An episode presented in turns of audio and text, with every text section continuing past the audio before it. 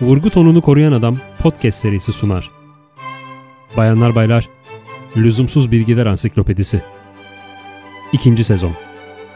Genel kültür, bilim, sağlık ve daha birçok alanda bildiğimiz şeylerin kökeni merak edenler için burada.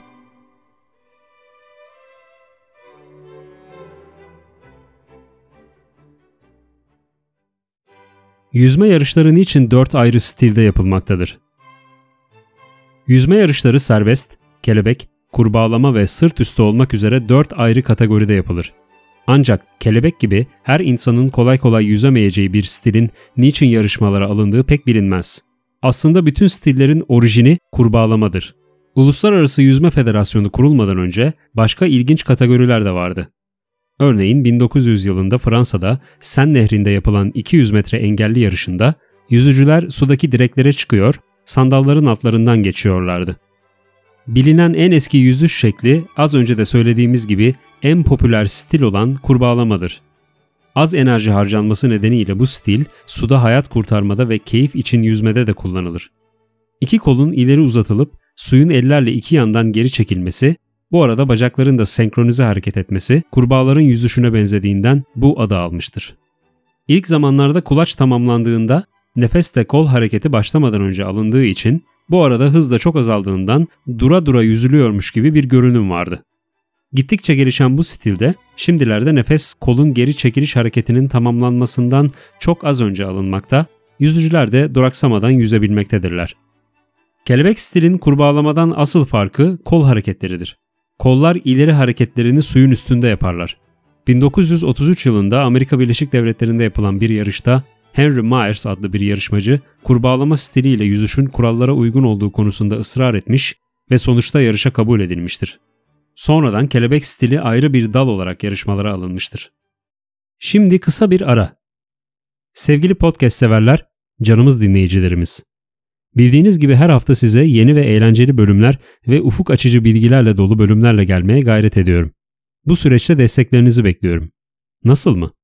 Bölümlerimize reklam verebilir, sponsor olabilir ve Patreon üzerinden bana destek olabilirsiniz. Bu destekler daha iyi ekipman ve daha iyi içerik olarak size geri dönecek. Reklam ve sponsorluklar için vurgu tonunu koruyan adam gmail.com'dan mail atabilir, lüzumsuz bilgiler ansiklopedisi resmi Instagram hesabından iletişime geçebilir, Telegram üzerinden yazabilirsiniz. Hepsinin linkleri bölüm açıklamasında mevcut. Ayrıca Patreon'da yine lüzumsuz bilgiler ansiklopedisi adıyla varız. Orada size uygun aylık üyelik türünü seçerek ufak da olsa katkıda bulunabilirsiniz. Gelin içeriklerimizi birlikte şekillendirelim.